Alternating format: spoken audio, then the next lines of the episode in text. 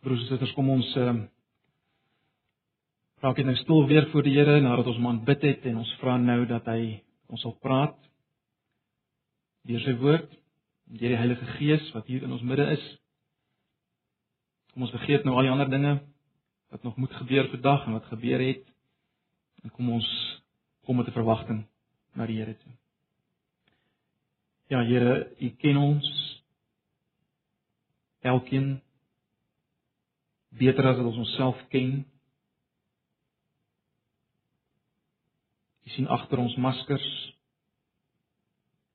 Ag Here, ons wil nou vra dat U maar net waarlik met ons sal kom praat. Nie omdat ons in onsself iets is nie en dit werd is nie, Here, maar omdat ons aan U behoort, met U verenig is, dat ons U liggaam is en U die hoof is van hierdie liggaam. Een van wie ons afhanklik is vir alle groei, leiding, versterking, vermaaning. Kom praat met ons. Ons verwagting hierdie oggend, Here, is van U. Amen. Professor, kom ons bly weer na Efesiërs. Ons is steeds besig met Efesiërs. Uh vertrou elkeen van julle het 'n preekraamwerk gekry. As jy nie enetjie gekry het nie, dan behoort nog daar agter te wees. Raamwerk het help ons net om by te bly. Ons nie verlore raak nie.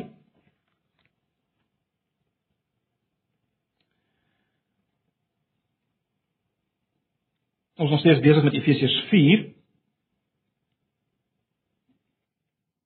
Ek wil terwyl van volledigheid maar net weer vanaf vers 29 lees. Uh hierdie gedeelte is natuurlik weer deel van ander ander groter ge, uh, geheel. Ons gaan nie nou daarop fokus nie. Kom ons lees net weer vanaf vers 29 tot hoofstuk 5 vers 2.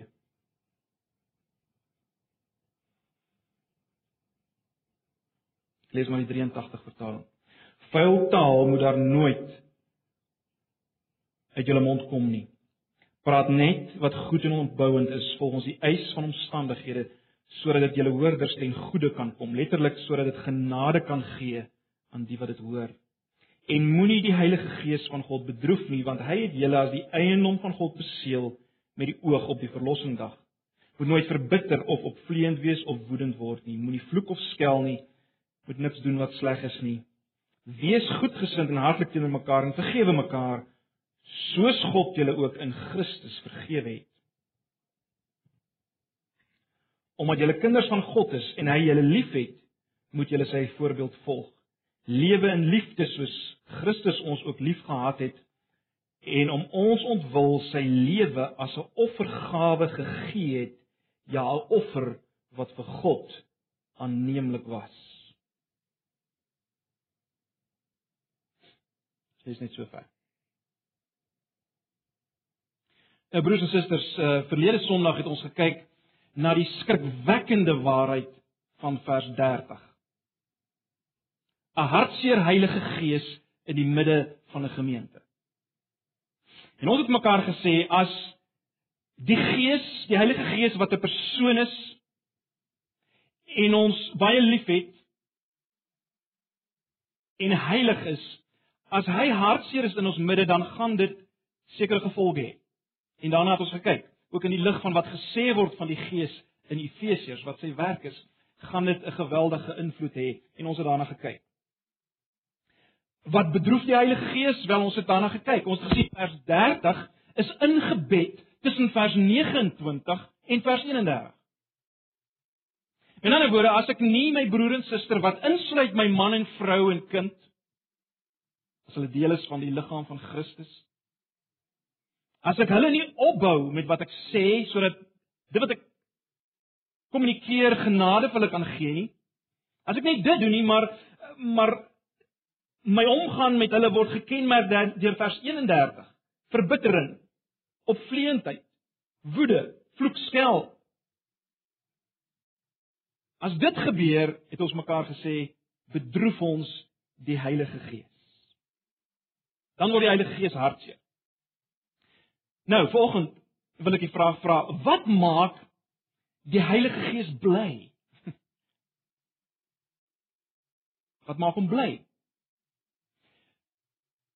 Maak dit die Heilige Gees bly as ons volmaak is en en geensins meer mekaar afronteer of uh, te mekaar oortree nie? Die antwoord is nee. Die antwoord is nee.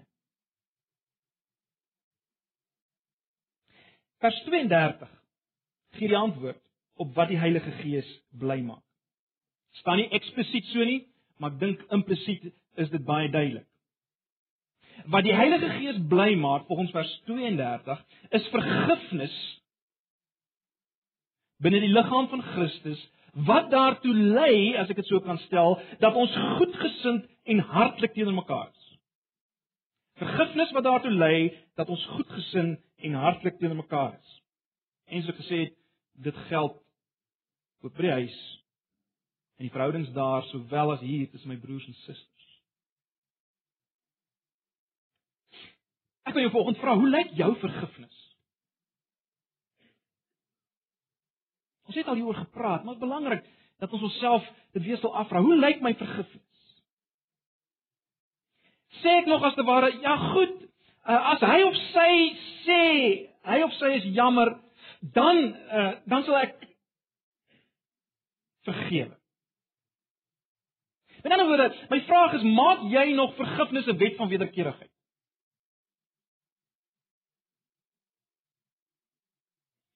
Want dan werk dit nie, né? Nee.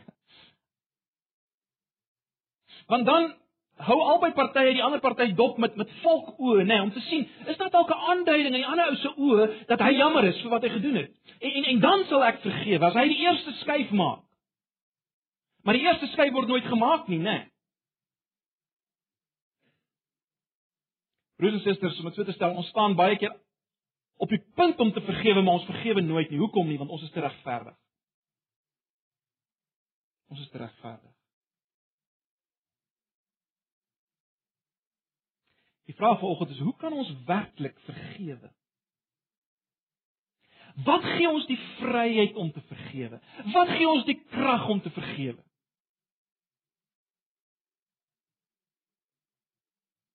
Wat spoor ons aan? Wat stel ons in staat om so te vergewe dat ek as te ware by wyse van spreuke die onreg wat die ander persoon aan my gedoen het uitsny uit daardie persoon uit. Wat stel my in staat om so te vergewe dat ek as te ware die persoon wat teen my oortree het losmaak van daai ding wat hy of sy gedoen het teen my en en by wyse van spreuke in my denke daardie persoon herskep.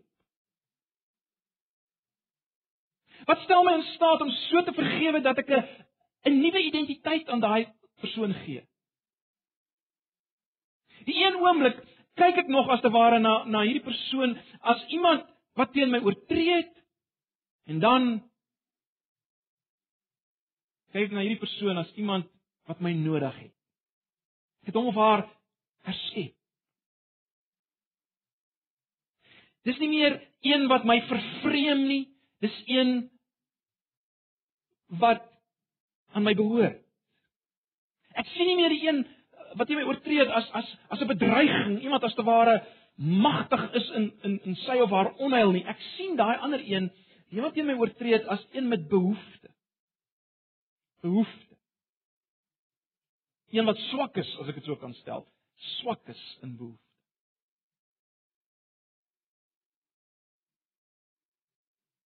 Wat stel my in staat om so te vergewe dat ek as te ware my eie verlede as ek dit so kan stel, herskep deur hierdie ander persoon wat teen my oortree het te herskep.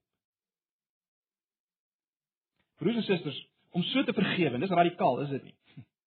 Om so te vergewe maak die Heilige Gees bly as dit begin plaasvind uh binne in die liggaam van Christus.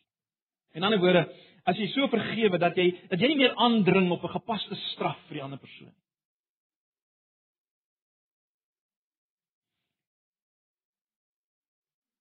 Dan is die Heilige Gees bly en dan vind uh, jy genesing en 'n gemeente vind genesing. Maar maar maar kom ons sê dit reguit vir mekaar. Dis 'n wonder, is dit nie? Dit kos 'n wonderwerk. Sommige van ons het al so seer gekry uh deur ander broers en susters dat dat dit absolute wonder vra uh om om die ander persoon te vergewe. 'n Wonder so groot as wat dit sou wees om te vlieg. 'n Wonder so groot as wat dit sou wees om te begin vlieg. En dit is baie interessant. John Bunyan skryf die volgende gedig. Luister mooi. Run John run the law commands but gives us neither feet nor hands. Far better news the gospel brings. It bids us fly and gives us wings. En broers en susters, ek wil dit waag om te sê dat deel van hierdie hierdie uh vlieg waarvan Banyan praat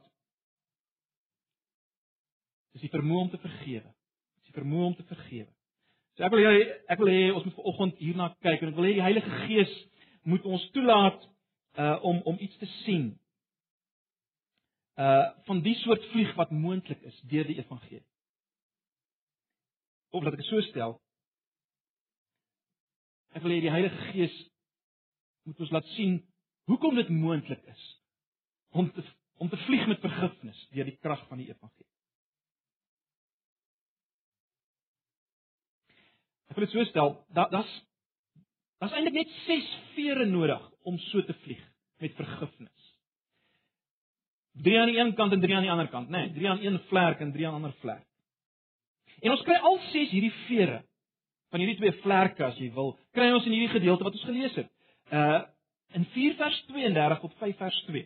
Gedeelte waarop ek wil fokus volg. Ek sê weer, daar's twee vlerke wat ons in staat stel om te vlieg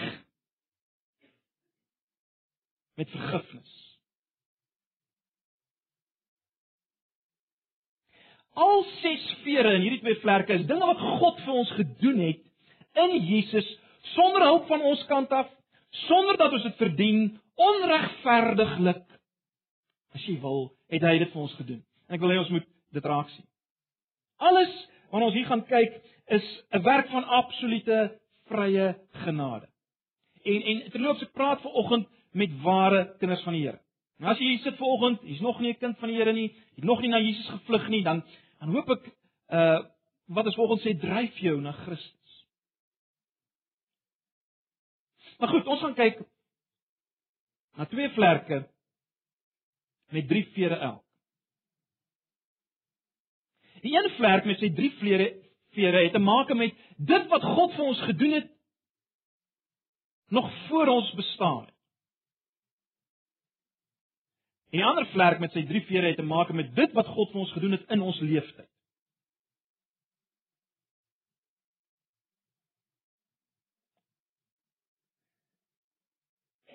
Ek vertrou die kleuters het vanoggend 'n uh, so vol geteken met twee vlerke. Uh met met drie vere aan elke kant, né? Nee, uh hierdie vlerke wat ons in staat stel om te vlieg met vergifnis teenoor mekaar.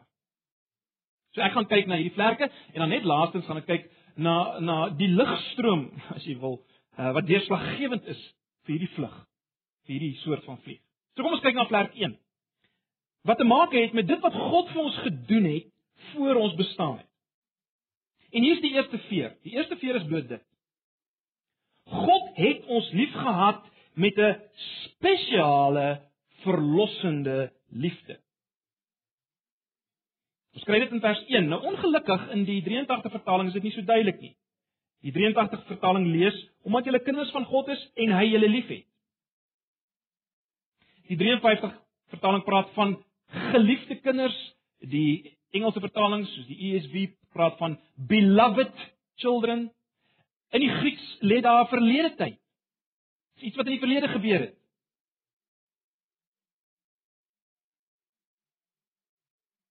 God het ons liefgehad. Broers en susters, om iets van die krag hiervan te verstaan vanoggend of te voel, is dit baie belangrik dat ons sal verstaan dat hierdie liefde waarvan ons hier praat is nie bloot die algemene liefde wat God vir die hele mensdom het nie.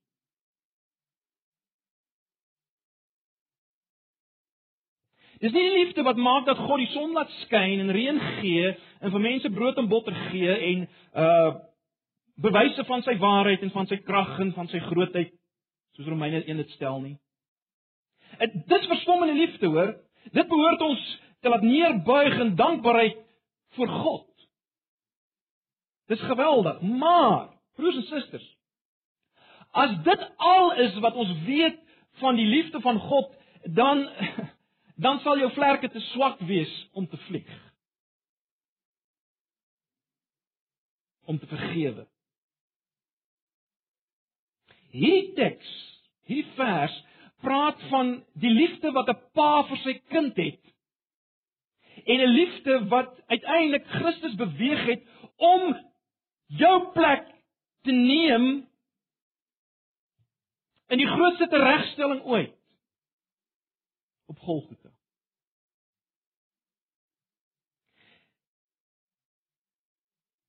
Hier hierdie is iets meer as die algemene liefde van God. Ons moet dit sien. Dis reddende liefde. Dis liefde wat verder gaan as 'n blote aanbod. Hier is dit wat ek gedoen het, besluit of jy dit ontvat of los. Hier is ander liefde hier. Hier is 'n liefde wat daadwerklik red, effektief red, onfeilbaar red. Doen wat gedoen moet word as jy wil om my vergewe te kry en gered te kry. 'n Liefde wat doen wat gedoen moet word.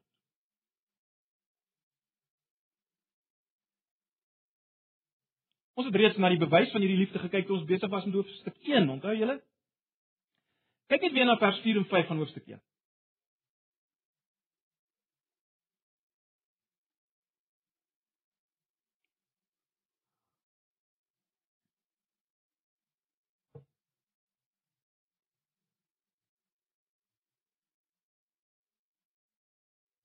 So het hy nog voordat die wêreld geskep is, ons in Christus uitverkies om heilig en onberispelik vir hom te wees.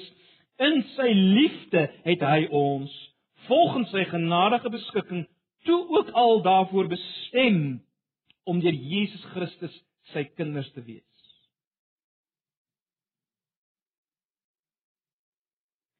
So God het jou as kind van kind van God vanoggend uh liefgehad met 'n liefde wat kosbaarder is broers en susters as wat ons ooit kan beskryf. Hoekom? Omdat dit 'n liefde is wat reeds op jou gefokus was, op jou uitgestort is voor jy gebore is. Dit is 'n liefde wat God beweeg het om jou as sy kind aan te neem. Dis waarmee ons hier te doen het. So dis die eerste veer in die vlek van evangeliese vergifnis, né? Nee, God se spesiale verlossende liefde. As jy wil, kan jy sê verbondsliefde. Dis nie bloot algemene liefde nie. Uh dis spesifiek persoonlik gerig op jou as individu en onmisbare deel van die liggaam van Christus. Dis op jou gerig. Dis die liefde wat jou gekies het, eenkant gesit het, oortuig het, getrek het, na homself gebring het. Hoekom? Omrede hy lankal besluit het hy wil jou in die liggaam van Jesus hê. Hy het lankal besluit hy wil jou in die liggaam van Jesus hê. Nie omdat jy oulik was nie. Nie omdat jy aantreklik was nie.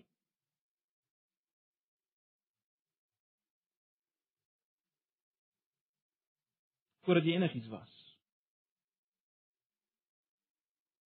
Broers en susters, as ons dit werklik vat en verstaan, dan het ons eintlik nie ander vere nodig. Maar dis die eerste veer in hierdie vlek. Die tweede veer is dit: Christus gee homself vir ons as 'n offer. Kyk na hoofstuk 5 vers 2b.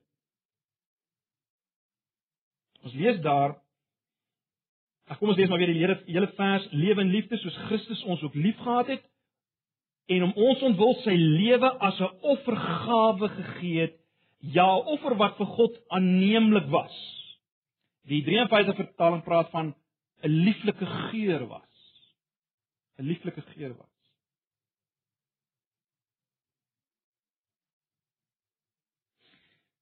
Julle sal onthou in hoofstuk 2 vers 3 het ons gesien dat ons almal van nature deur God gestraf moes word, kinders van die toren was, soos die 53 vertaling dit stel. Ons moes gestraf word.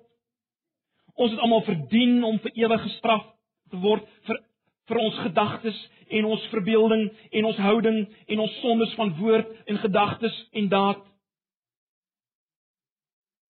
Ons moes gestraf word. Maar nou sien ons hier dat die verbondsliefde van God vir ons het hom nie net beweeg om ons te kies nie, maar het hom beweeg om sy seun, God die seun, as 'n offer in ons plek te gee. Letterlik staan hier dat Christus het homself oorgegee, opgegee vir ons. Ons weet Galasiërs 3 eh, vers 13 sê hy het 'n vloek in ons plek geword. Hy het 'n vloek in ons plek geword. Nou, weer eens, broers en susters, baie baie belangrik om die krag hiervan te voel sodat ons sterk kan wees om te vlieg met vergifnis. Moet ons weer eens besef, dis nie iets wat Christus maar so in die algemeen gedoen het nie. Net verder in Efesiërs hoofstuk 5 vers 25, hier is die volgende. Luister mooi. Mans, julle moet julle vrouens lief hê soos Christus die kerk of dan gemeente, maak nie saak hoe jou vertaling lyk nie, soos Christus die kerk of die gemeente liefgehad het en sy lewe daarvoor gegee het. Sy lewe daarvoor gegee. Met ander woorde Christus gee sy lief, gee homself op om te sterf as plaasvervanger in die plek van die kerk, die gemeente. Jy sien hierdie liefde is is die verbondsliefde wat hy vir sy bruid het. Hierdie bruid wat hy van voor die grondlegging gekies het in Christus. Vir hierdie bruid het hy homself opgegee, prys gegee.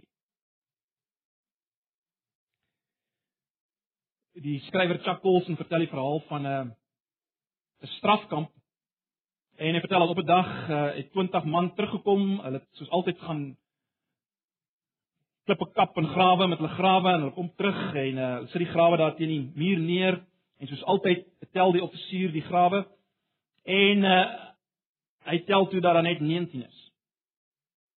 En in die hart van die saak onmiddellik soos dit maar werk by sulke plekke buldere uit dat die een wat dit gedoen het moet na vore kom. En uh wel niemand tree na vore toe nie. En toe dreig hy hulle dat as niemand kom nie, gaan hy 10 van hulle sommer net so die kraak doodskiet. 10 van hulle gaan sterf. Na 'n paar oomblikke van stilte het 'n 19-jarige jong man na vore gekom en hy het gesê dis hy wat nie sy graaf ter gesit het nie. Hy is onmiddellik een kant toe geneem en reggestel. Toe hulle egter verdaag het na ruk en dat tel die grawe weer, wel, toe is daar 20 grawe, die offisiere verkeerd getel. Wat is die punt broers en susters? Wat ek wil sê is dit die verskil tussen wat Jesus Christus vir ons gedoen het en wat daardie jong man vir sy vriende gedoen het is dit. Jesus het geweet vir watter 10 manne hy sterf en hy het geweet nie een van hulle is dit waardig nie. Maar hy het dit in elk geval gedoen omdat hy 'n bo-menslike liefde vir hulle gehad het. En daarvan is ek en jy deel. So die eerste veer is dat God jou liefgehad het met 'n spesiale liefde. Die tweede veer is dat hy homself as 'n offer gegee het. Die derde veer van hierdie werk is dit: God was tevrede met Christus se offer.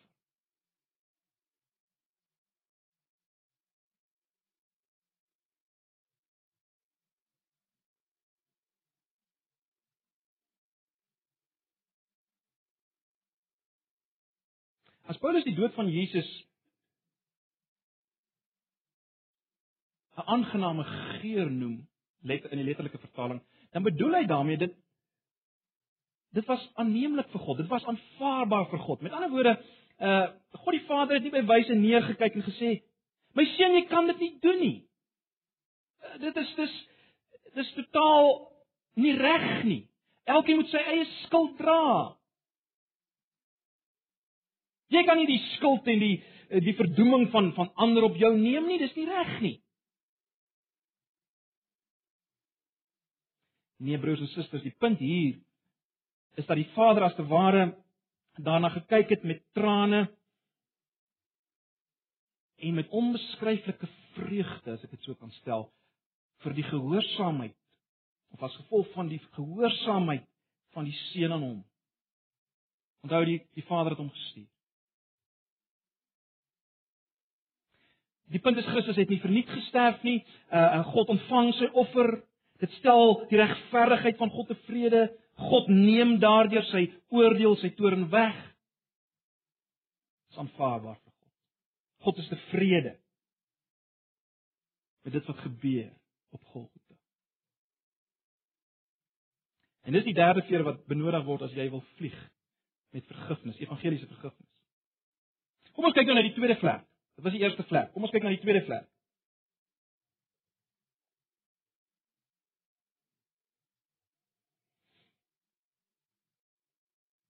En dit het nou te maak met dit wat God vir ons gedoen het gedurende ons lewenstyd, in ons lewenstyd. En die eerste veer is dit. God het ons in 'n verhouding met Jesus Christus geplaas. God het jou in 'n verhouding met Jesus Christus geplaas sodat jy in Christus is soos 'n loot in die wingerd, né? Nee, Johannes 15, julle ken daai gedeelte. Kyk weer na vers 32b. Hoofstuk 4 vers 32b. Daar lees ons van en vergewe mekaar soos God julle ook in Christus. sien julle dit? In Christus vergewe het. Hier is 'n baie belangrike frase, in Christus. Ons lees so maklik daaroor. Dit beteken jy's aanvaarbaar voor God omdat Christus aanvaarbaar voor God is en God plaas jou in Christus en daarom is jy aanvaarbaar voor God. Nie maar iets in jou is nie. Hy sien jou in Christus. Jy's in Christus. Maar nou baie belangrik. Hoe het jy daar gekom? Hoe het jy in daardie verhouding gekom? Wel, luister na 1 Korintiërs 1 vers 30. 1 Korintiërs 1 vers 30 is ontsaglik belangrik. Luister. Aan God is dit te danke dat jy met Christus Jesus verenig is. Aan God is dit te danke dat jy met Christus Jesus verenig is. Dis God wat geloof in ons harte gewerk het. Dis God wat ons in 'n verhouding met Jesus geplaas het in so 'n mate dat ons aanvaarbaar is vir God. Efesiërs 2 vers 10 en 13 praat van Romeine 16 vers 17 praat daarvan. Jy sien as God nie dit gedoen het nie. As God nie dit gedoen het nie, dan kon al sy ander werk verniet gewees het. Sy kies, sy sterf, want volgens Efesiërs 2 vers 1 is ons dood in ons sonde. Ons wil nie kom nie, ons sou nie gekom het nie. Ons kan nie, ons het nie lus nie, ons het nie krag nie. Aan God is dit te dank. 1 Korintiërs 1 vers 30 dat jy met Christus verenig is. Jy sien, ons kon nie, maar God het dit gedoen. Sy liefde sal nie verhinder word nie. Hy gaan al die pad met sy liefde. Hy maak klaar dit wat hy begin het, want sy eer is op die spel. Daar baie het hulle gesê, "Jou my verlossing is seker omdat God se eer op die spel is." Dis die enigste rede. En sy eer is die belangrikste ding in die kosmos. Dis hoekom dit seker is. Tweede veer. God het ons aangeneem en waarlik egte kinders gemaak. Kyk weer na vers 1. Omdat julle kinders van God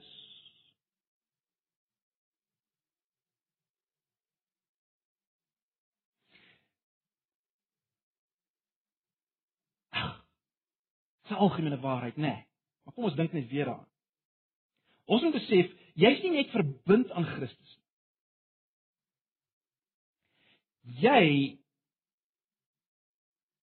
is kind van God saam met Christus. Hoe werk dit? Wel, Jesus is kind van God. Jy is in Jesus, so jy is kind van God.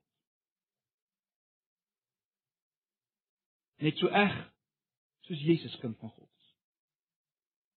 Ons weet in Johannes 17 sê Jesus dit baie duidelik, die Vader het julle net so lief soos hy vir my het.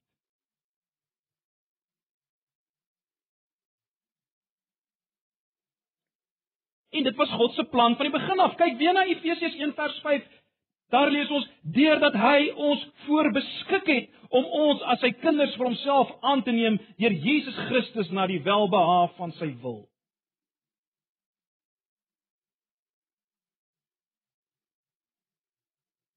Wat sê dit vir ons, broers en susters?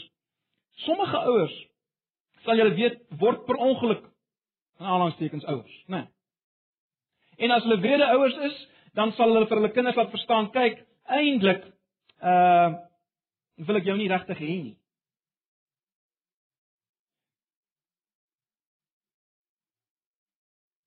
As ons Efesiërs 5 vers 1 lees in die lig van Efesiërs 1 vers 5, dan moet ons vir mekaar sê, broers en susters, God, en ons moet dit hoor. God het geen onwelkome kinders nie. Daar bestaan nie so iets soos 'n onwelkome kind nie. Ja, as jy self besluit het om kind van God te word, dan was jy dalk onwelkom. Maar nou het jy nie. God het geen onwelkome kinders nie. Laat dit insink in jou vanoggend. Hy verdra jou nie maar net nie. Hy het van ewigheid af op jou op jou besluit en al die pad gestap om jou sy kind te maak. So. Hierdie veer en hierdie vlek is dit.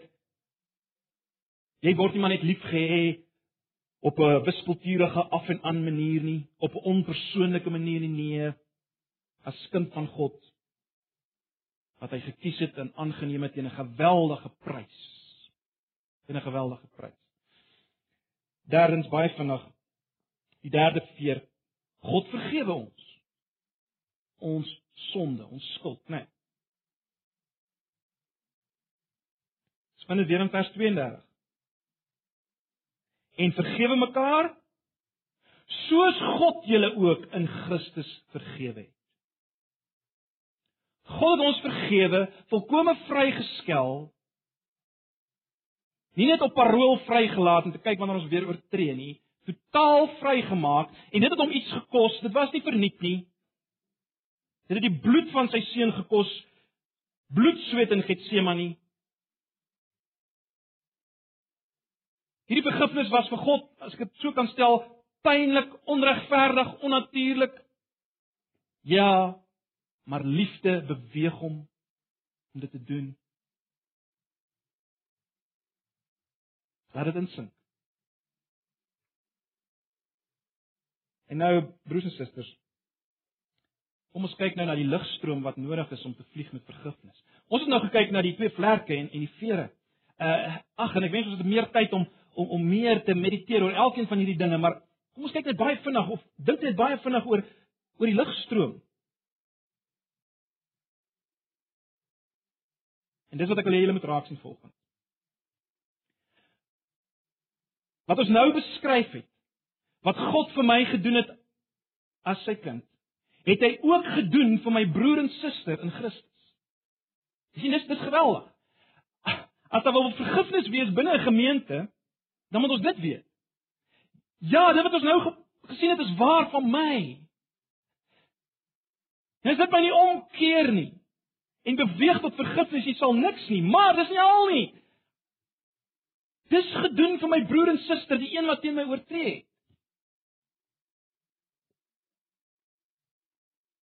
En dit gee krag tot vergifnis, is dit nie?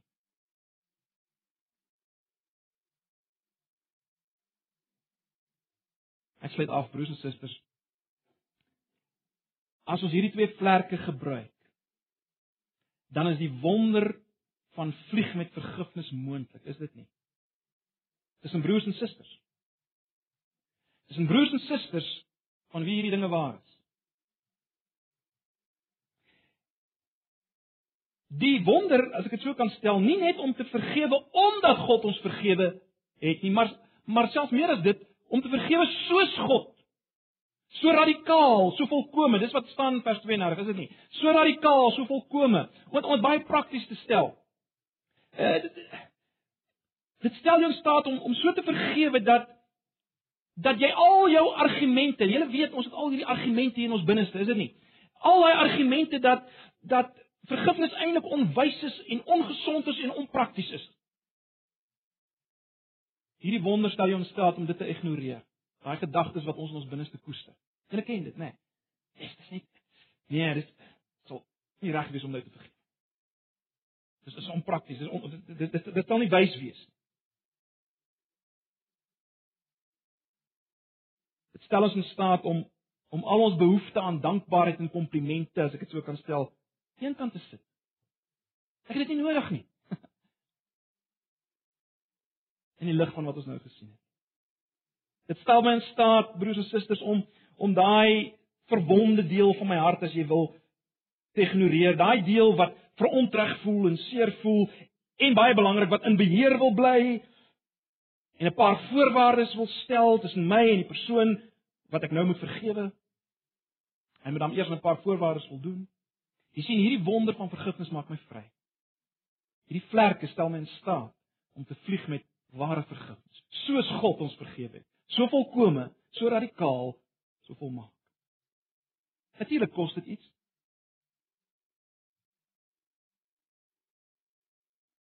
Jy moet jou sin aan regverdigheid laat vaar. Jy moet in God se hande plaas dit wat jy in jou eie hande wil neem, dit kos iets. Dit het God iets gekos. Maar broers en susters, dis iets heerliks en wonderliks, is dit nie? As vergifnis begin plaasvind tussen mense, beleef ons iets van God self, want God is vergifnis. Ons begin iets beleef van God self. Charles Spurgeon het dit so gestel en ek sluit daarmee af. Hy het gesê to be forgiven is such sweetness that honey is tasteless in comparison with it. But yet there is one thing sweeter still and that is to forgive. sien julle dit? Om vergewe te wees is is al klaar ongelooflik. Maar Spurgeon sê dis nog heerliker en meer ongelooflik om te vergewe. But yet there is one thing sweeter still and that is to forgive. As it is more blessed to give than to receive, so to forgive rises a stage higher in experience than to be forgiven. 'n Groter belewing, 'n heerliker belewing. Ag broers en susters, My gebed maar net vir ons en Antipas, my eie lewe, vir ons gesinne, is dat ons iets hiervan sal beleef al meer en meer. Iets van hierdie heerlike vlieg met die vlerke van vergifnis. Amen.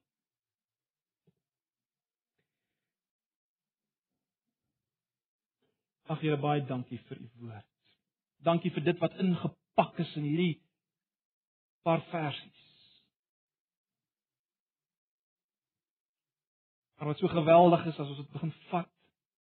Ons begin dit glo. Want Here dit vernuwe ons denke dat ons nie anders kan as om te vergewe.